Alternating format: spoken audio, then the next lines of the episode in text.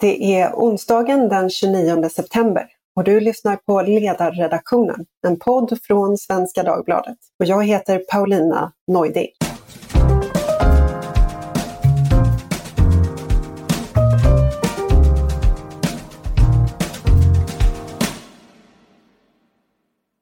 Hon flydde från ett arrangerat äktenskap till friheten i Nederländerna. Men friheten tog slut när Ayaan Hirsi Ali medverkade i en film som ansågs blasfemisk mot islam. När hennes vän, filmaren Theo van Gogh, mördades på öppen gata i Amsterdam började ett nytt liv på flykt. Idag lever Ayaan Hirsi Ali i USA där hon bland annat har undervisat om islam på Harvard och numera arbetar för Hoover Institution på Stanford-universitetet. Och hon är aktuell med en ny bok i kanske det mest hårdsmälta ämne som den sekulära världen kan föreställa sig. I boken Villebråd argumenterar Ayaan Hirsi Ali för följande påstående. Migrationen från patriarkala kulturer har gjort att kvinnor i Västeuropa allt oftare drabbas av sexuella övergrepp i offentliga rum. De har blivit villebråd. Vad hon grundar det på, hur hon resonerar kring det och vad man kan göra åt problemet är några av de saker som vi ska diskutera idag. Ayaan Hirsi Ali, it's such a great pleasure to have you on the podcast. Welcome to Svenska Dagbladet. Paulina, thank you very much for having me. Before we turn to your latest book, Prey, or Villebråd in Swedish, Swedes once again awoke to news of an explosion in a residential building, this time in Gothenburg. Families with children were forced to flee through their balconies. People were jumping from windows, and these are not unfamiliar scenes in Sweden. Just to give you some data points, gang shootings have increased by a factor of 10 in one generation. There have been about 60 suspected uh, attacks with explosives only this year. And this is absolutely unique to Sweden. And as we know, these gangs operate mainly out of immigrant areas. Uh, from your perspective as an outsider, what do you think when you look at this development in Sweden? I mean, the latest, let's start with the explosion. Uh, of course, it's shocking, it's awful, uh, but it's not surprising. And it's not surprising because in Sweden, um, as opposed to several other European countries who took in large numbers of immigrants, in Sweden, it seems as if the enforcement of the law is something that we've given up on. And to talk about law enforcement, to talk about bringing back the rule of law in Sweden for a long time has been extremely difficult. Uh, I was told by one Swedish observer that the Swedish leadership were more interested in becoming the moral superpower of the world than they were interested in protecting their own citizens.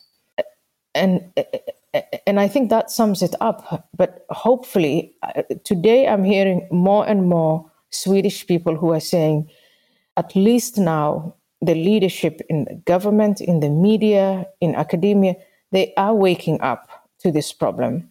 It's intolerable to have explosions and gangs and rapes and all this just you know crime run amok people talk about sweden as if it's a war zone and we're, we're talking about a North European Scandinavian country. You and I, we spoke about this eight years ago.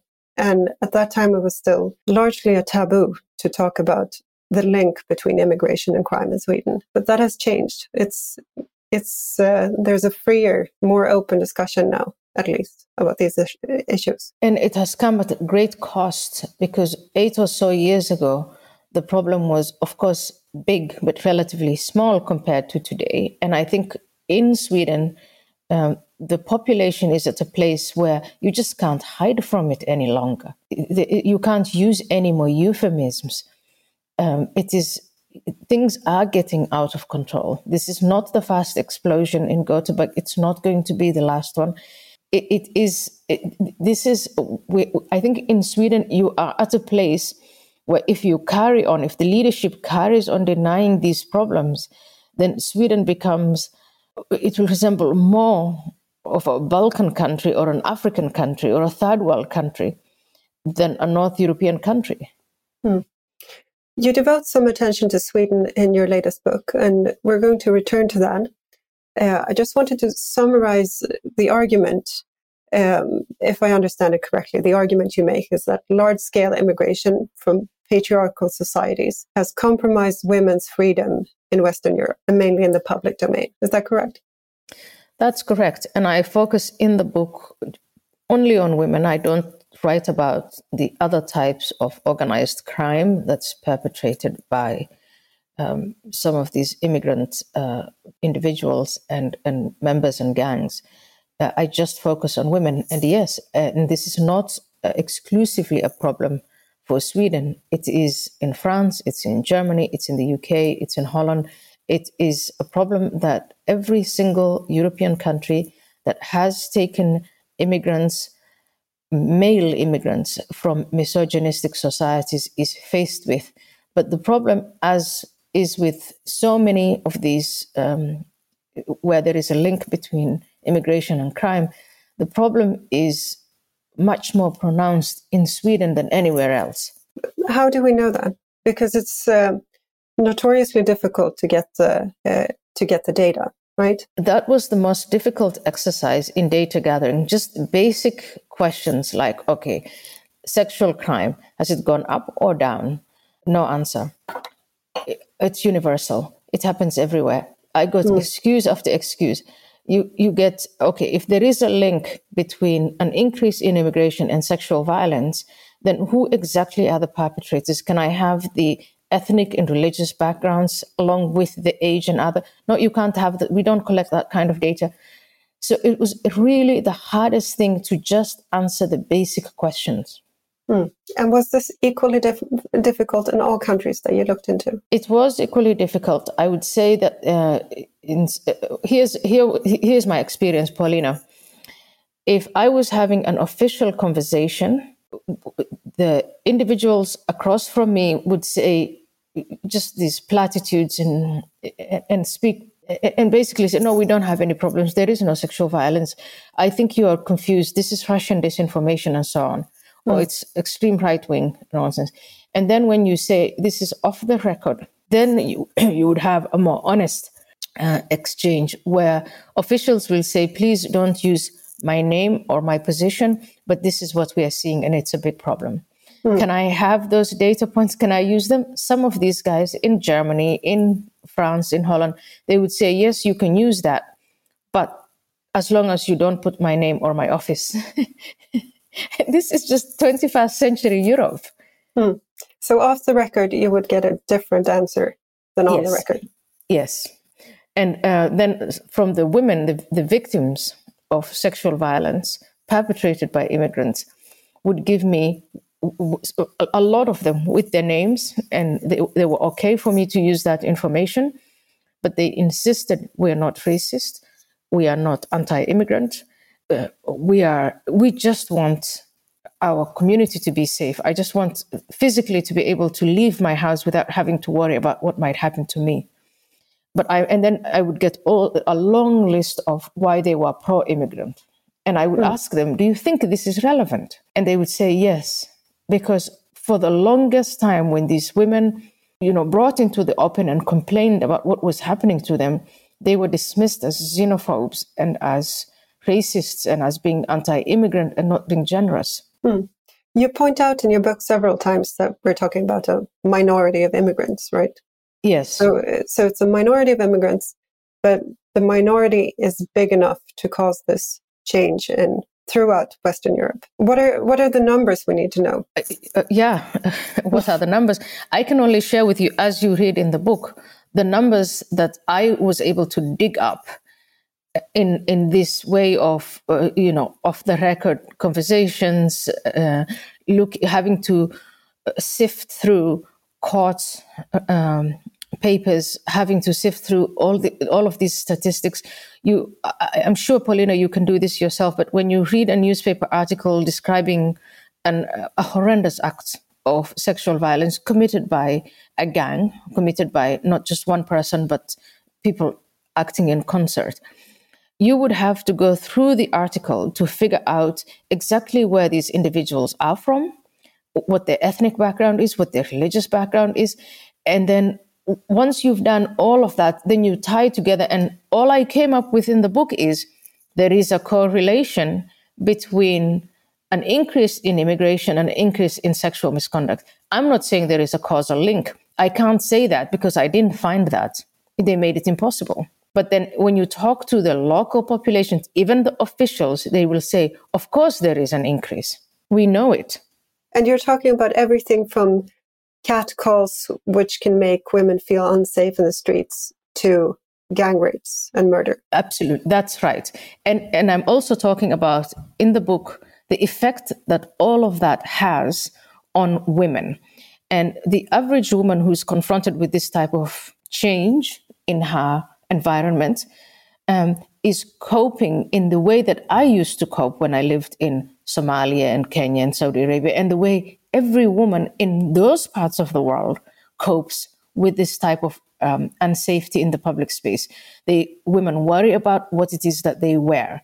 They worry about what time of day or night that they want to get out of the house. They've given up things like jogging or going to, uh, to the pub with friends to have a drink they they will they'll consider not to take this path but that path this train and not that train. So the coping mechanisms are exactly the same. The women feel that the burden of keeping themselves safe is is on them.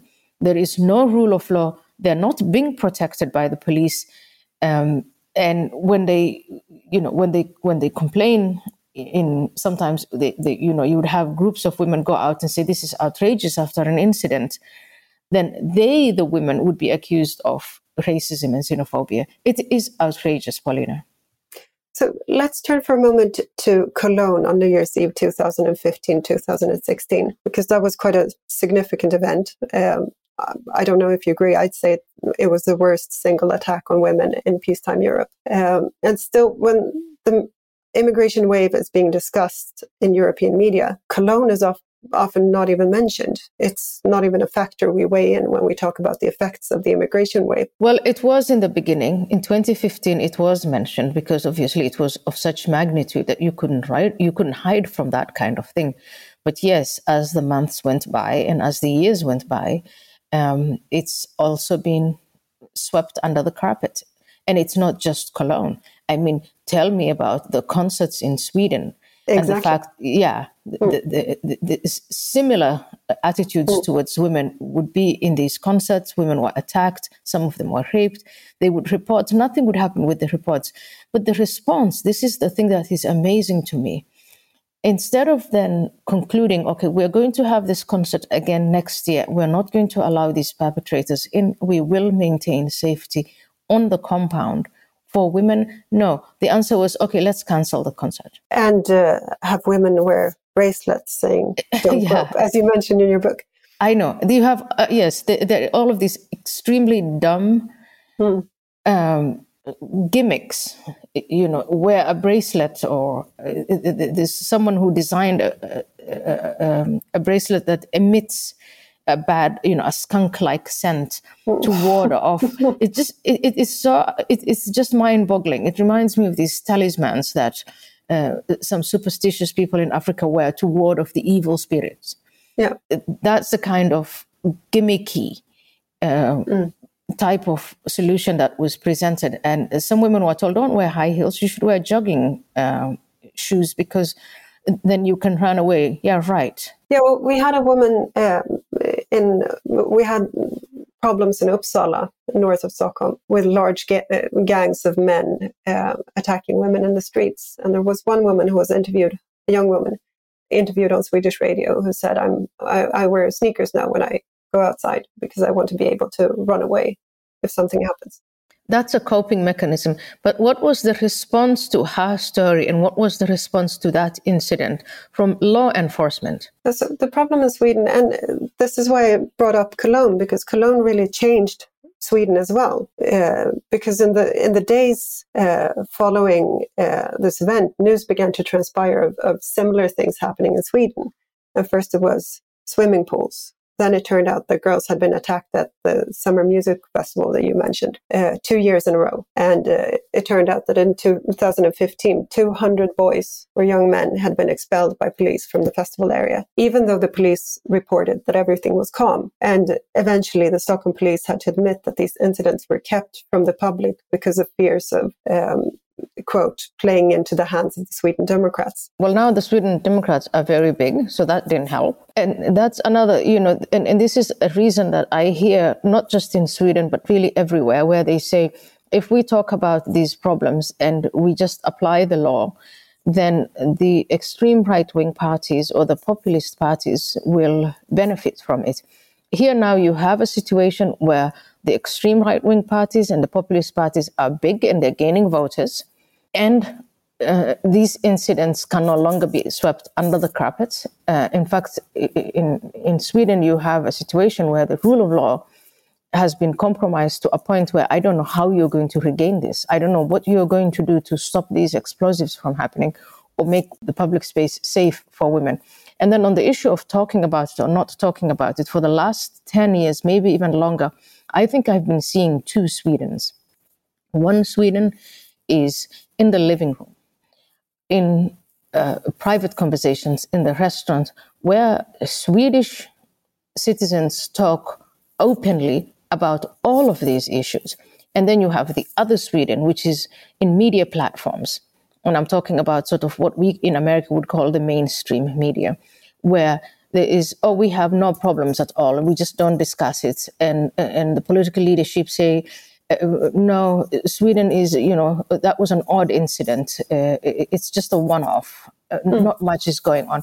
So you have these two Swedens, and I think today they are merging. Today you have your politicians and your journalists and your academic leaders really coming out and saying, okay, maybe we do have a problem. And you have a big Swedish Democrat Party. Yes, it's one of the biggest parties.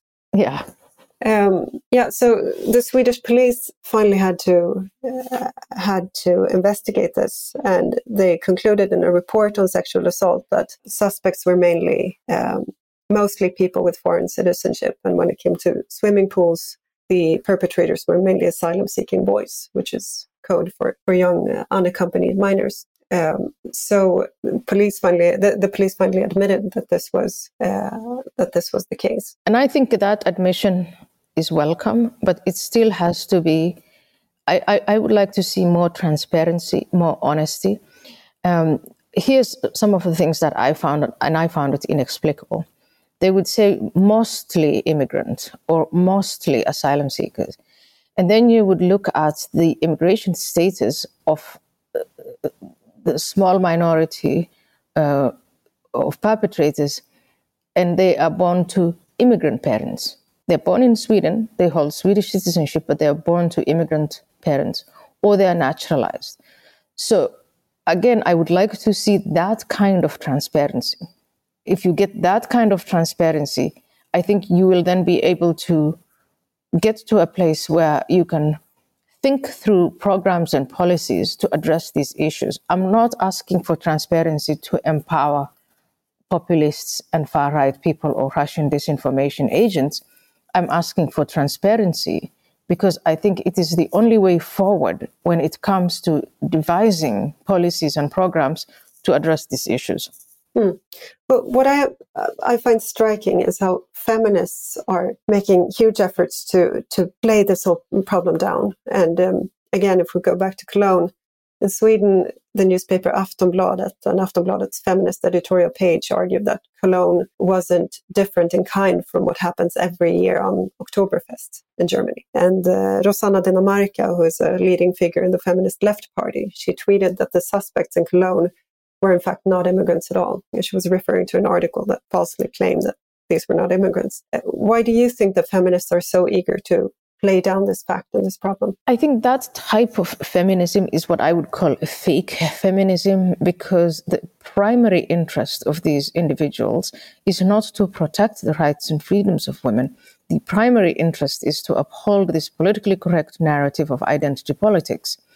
Now, you can call yourself a feminist all you like, but if you're excusing open misogyny, as we've seen in Cologne, then I don't really think that the label feminist applies. When we talk about this problem, why, why do you think it is that immigrants are so heavily overrepresented when it comes to um, sexual assault, especially in the public domain? So I do give uh, an attempt at a detailed analysis in the book But the most glaring factor is that if you are born and raised as a young man, you're born and raised in an environment where the attitude towards women is negative. And in in your environment you're used to attacking women who don't behave according to the modesty code or the honor code. So a woman who's um, not covered from head to toe uh, and in the public space not accompanied by another man is prey where most of these men come from and that is how they behave towards these women so when they come to sweden when they come to other parts of europe they see even it's a culture shock of sorts for them to then come to an environment where women are actually free and don't abide by the uh, the honor code and the modesty code, and so they attack them. Um, the, there's a wonderful scene in your book. I think it's uh, in Infidel, where you you're you've arrived in the Netherlands as a refugee, and you decide to ride a bicycle. And the way you've yeah. been brought up, you expect men in the street to go crazy if they see a woman astride a bicycle. Yes. And you get on this bike and you bike down the streets and nothing happens. My when when I came, yes, it was a culture shock for me. I uh, I landed in Frankfurt and then I spent two days in Düsseldorf and I spent another day in Bonn and then I was in Amsterdam and different parts of Holland. And each and every time I would think if I take my headscarf off or if I put on a short sleeved t shirt, I mean, I came in the summer. Mm. Um, this is going to, uh, I'll be inviting problems. Men will start, uh, you know, hurling obscenities at me, propositioning me in the wrong way. And none of that happened. No one even, no one even glanced at me. and I and I observed this intermingling of men and women, women dressed literally. I mean, my grandmother would just call that naked. Women mm. in shorts and uh, t-shirts and uh, short sleeve t-shirts and tank tops, and you know what what we call summer clothing. Um, but to me, that was the most uh, bizarre way for women to dress because I've been told you know the tips of your nails and and the edges of your heels are enough to drive men crazy. So you have to cover yourself from head to toe. And all the time we were obsessing and worrying about which part of our body was revealed and which part was covered and here i was in europe in 1992 it, and it's the summer and these women are uncovered and the men are also wearing shorts and tank tops and t-shirts and everybody's going about their daily business and there's no fitna, there's no chaos, there, there are no attacks uh, happening. And uh, I, I, still, I still marvel at how fast, just the speed with which this has changed. It's only three decades ago. Yeah. But when you think about this kind of culture shock, we, it, if you had such a huge culture shock, then we should expect immigrants to be quite lost when they come to Sweden and yes. to Swedish swimming pool. Yes.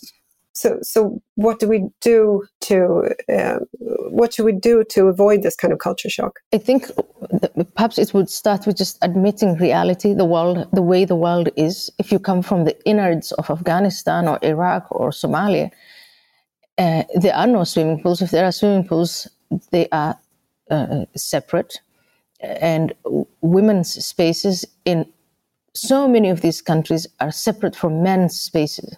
And so now you're coming into Sweden. Yes, it's a huge culture shock for these young men. They are not prepared in any way.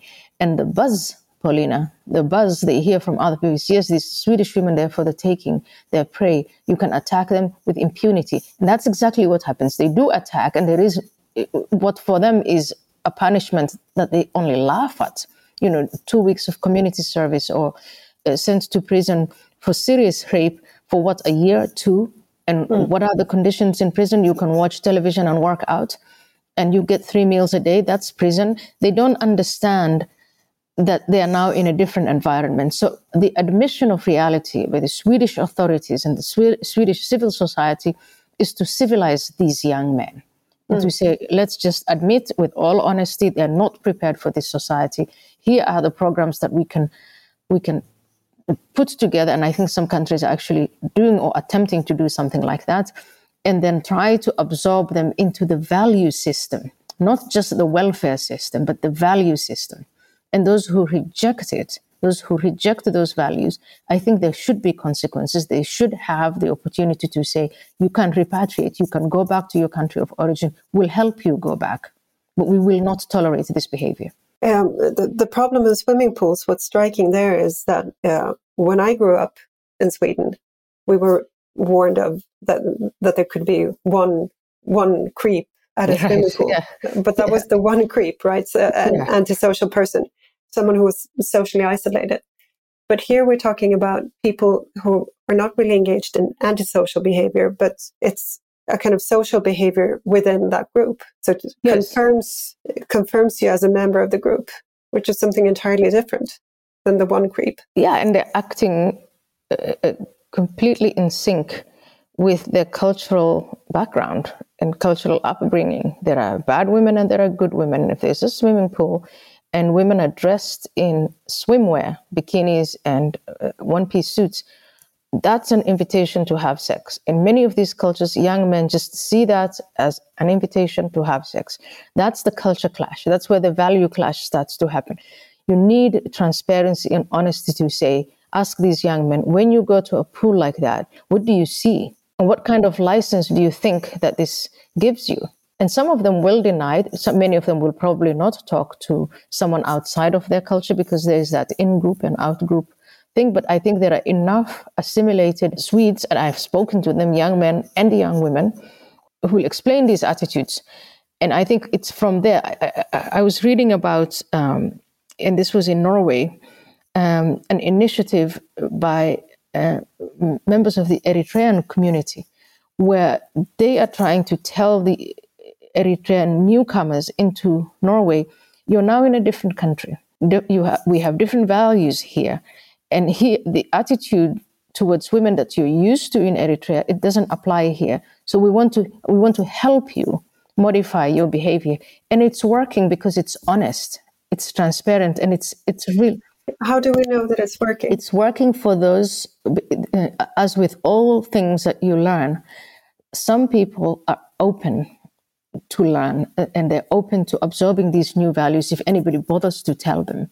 Hmm. And those who are open, it does work. Yes, it does work. And, uh, and you know that it's working because you have immigrants in Sweden uh, from the Middle East and South Asia and parts of Africa who are well assimilated. And those who are well assimilated, when they're honest, they will tell you that they haven't only undergone some kind of, you know, economic and educational transition, but that they have also undergone a value transition, that they behave differently from what they were used to and the norms that they were used to. Well, in Sweden, we have the example of Mustafa Panshiri, the former police officer who um, talks to African immigrants about sex and gender relations and um, Swedish culture. And he has done an enormous job, job uh, informing immigrants about Swedish norms. And you also mention him in your book. Yes, and I have spoken to him. I think I'm actually going to have a podcast with him in uh, two weeks. Yeah. Uh, and I was, you know, obviously really happy with Mustafa and individuals like Mustafa. There is um, a, German uh, Egyptian guy, Hamed, uh, uh, Hamed uh, Abdel-Samad, and he's, um, he, like Mustafa, um, and, and then there is Nazir Afzal in the UK. Uh, but a lot of these individuals uh, Nazir is a prosecutor, uh, Hamed is a thinker, and he had worked a lot on the clash between Islam and um, and German norms. These individuals are very honest, they're well assimilated, and they know that they run a risk. They're threatened by members of their own community, and in many ways, they're also dismissed by the host society, chattering classes, as racist or pandering to extreme right wing. And all this time, what they're really trying to do is to, to make this process, to, to make it, first of all, a nice, safe, welcoming place, the host society for immigrants, and ask the host society, can you please help, you know, assimilate these young men and, and women sometimes? and and the initiatives like they ha- Mustafa has to work twice as hard just to be heard within his own community. And then you know, 10 times as hard to work within the Swedish um, white community. And, and it's really, I, I love people like that. But I, we also have to admit, we have to admit how hard it is for them. Because in, within their own community, they're seen as traitors, um, as uh, people who talk or, or, give a bad name to the community. And then uh, on the other side, they're just dismissed as not, you know, it, it, it's, it's really difficult. It's difficult. And you said, does it work? It will work if we empower people like Mustafa to do their jobs. Because there are other less effective examples. You mentioned one in your book. It's the brochure from the National Board of Health and Welfare, Socialstyrelsen in Sweden, to you who are married to a child, till som är gift med ett barn. Um, and uh, the thing is that this is actually the essence of Swedish integration policy. We constantly talk about the need to address and, and educate immigrants and teach immigrants about Sweden. And that is exactly what this folder does. What this folder does, and the people behind this folder, is they're trying to appease. So their idea, their concept, conception of uh, being welcoming and warm in their view, is to appease the norms and the values that immigrants bring with them. So if they have child brides, even though it's against the law in Sweden, they will make an exception for members of those communities because they think that that is being warm and welcoming. So, what looks as like information is actually appeasement? It is appeasement. Instead of being really honest and saying, look, you're now in Sweden, and if you take a child bride, it is against the law on so many different levels, you will go to prison. And it, you, this is not allowed. That's the kind of information that they should be disseminating. The information they're disseminating now is you can come here, you can be on welfare, you can have your child brides, you can preach whatever you want in the mosque because we have freedom of religion. And it's that type of, these are the types of groups and organizations that get taxpayer money. And they are the ones who claim in, falsely, in my view, that they're engaged in assimilating immigrants. They're not. They're doing the exact opposite. The next issue, of course, is how what we know should inform our, not our integration policy, but our migration policy. And you have some ideas there as well. I think in a country like Sweden, where you have explosives going off, uh, at the pace and the rate at which you're doing, you probably will just have to say, maybe for the moment, let's just put a moratorium on immigration. So, moratorium on immigration for Sweden, given the security situation that we have. Yeah, you the Swedish society has failed to absorb into their value system the immigrants that they already have within their borders. So it would be a fool's errand to say, well, let's just keep the borders open and have more and more people come in. I think you would really, I would say, put a moratorium on immigration for the moment and work very, very hard to develop, to have a very honest and transparent conversation, develop programs to assimilate those who are already inside Sweden have developed a repatriation system where people who are engaged in this type of criminal behavior who cannot be reformed you can send them back and that's effective that's the only consequence that i think a lot of immigrant criminals understand mm. is that if they un- if they have committed a crime and the consequence is you're going to go back to the country of origin that can be an effective deterrent from committing further crimes it can be an effective mechanism for having them actually attend the assimilation classes. But these are all things that the Swedish community and government should have a conversation about and develop these programs. And I think more immigration is just, it's like throwing more gasoline into the fire. Ayaan, where do you think Sweden will be in another 10 years? There is a best case scenario and there's a worst case scenario. And the best case scenario is that Sweden has all of these conversations and they develop programs that bring back the rule of law. That's the best case scenario. And 10 years from now, Sweden could be in a place where you look back uh, at the years, uh, the 2020s and the 2010s, and you say, my God, we were so bad those days. Things have changed now. Everything is good. And then there is a worst case scenario where things go on the way they are going on now. And that's a nightmare. You're looking at, do you remember the former Yugoslavia and how those countries fell apart? You are going, you're looking at a scenario where the public says we can't trust in the government anymore. So we have to arm ourselves to protect ourselves. And if every faction and every group does that, um, then you basically don't have the rule of law. You don't have a government that's trusted. You have tribalism. And, that's a nightmare scenario. And I hope that that doesn't happen to Sweden or anywhere else. Ayaan Hirsi thank you so much for being on the podcast. Thank you very much, Paulina. Thank you for having me. Du har lyssnat på Ledarredaktionen, en podd från Svenska Dagbladet. Och du får hemskt gärna höra av dig till oss med ris, ros, synpunkter eller förslag på vad vi bör ta upp framöver. Vi finns på ledarsidan svd.se. Jag heter Paulina Neuding och vår producent idag har varit Jesper Sandström. Tack för att du lyssnade och vi hörs snart igen.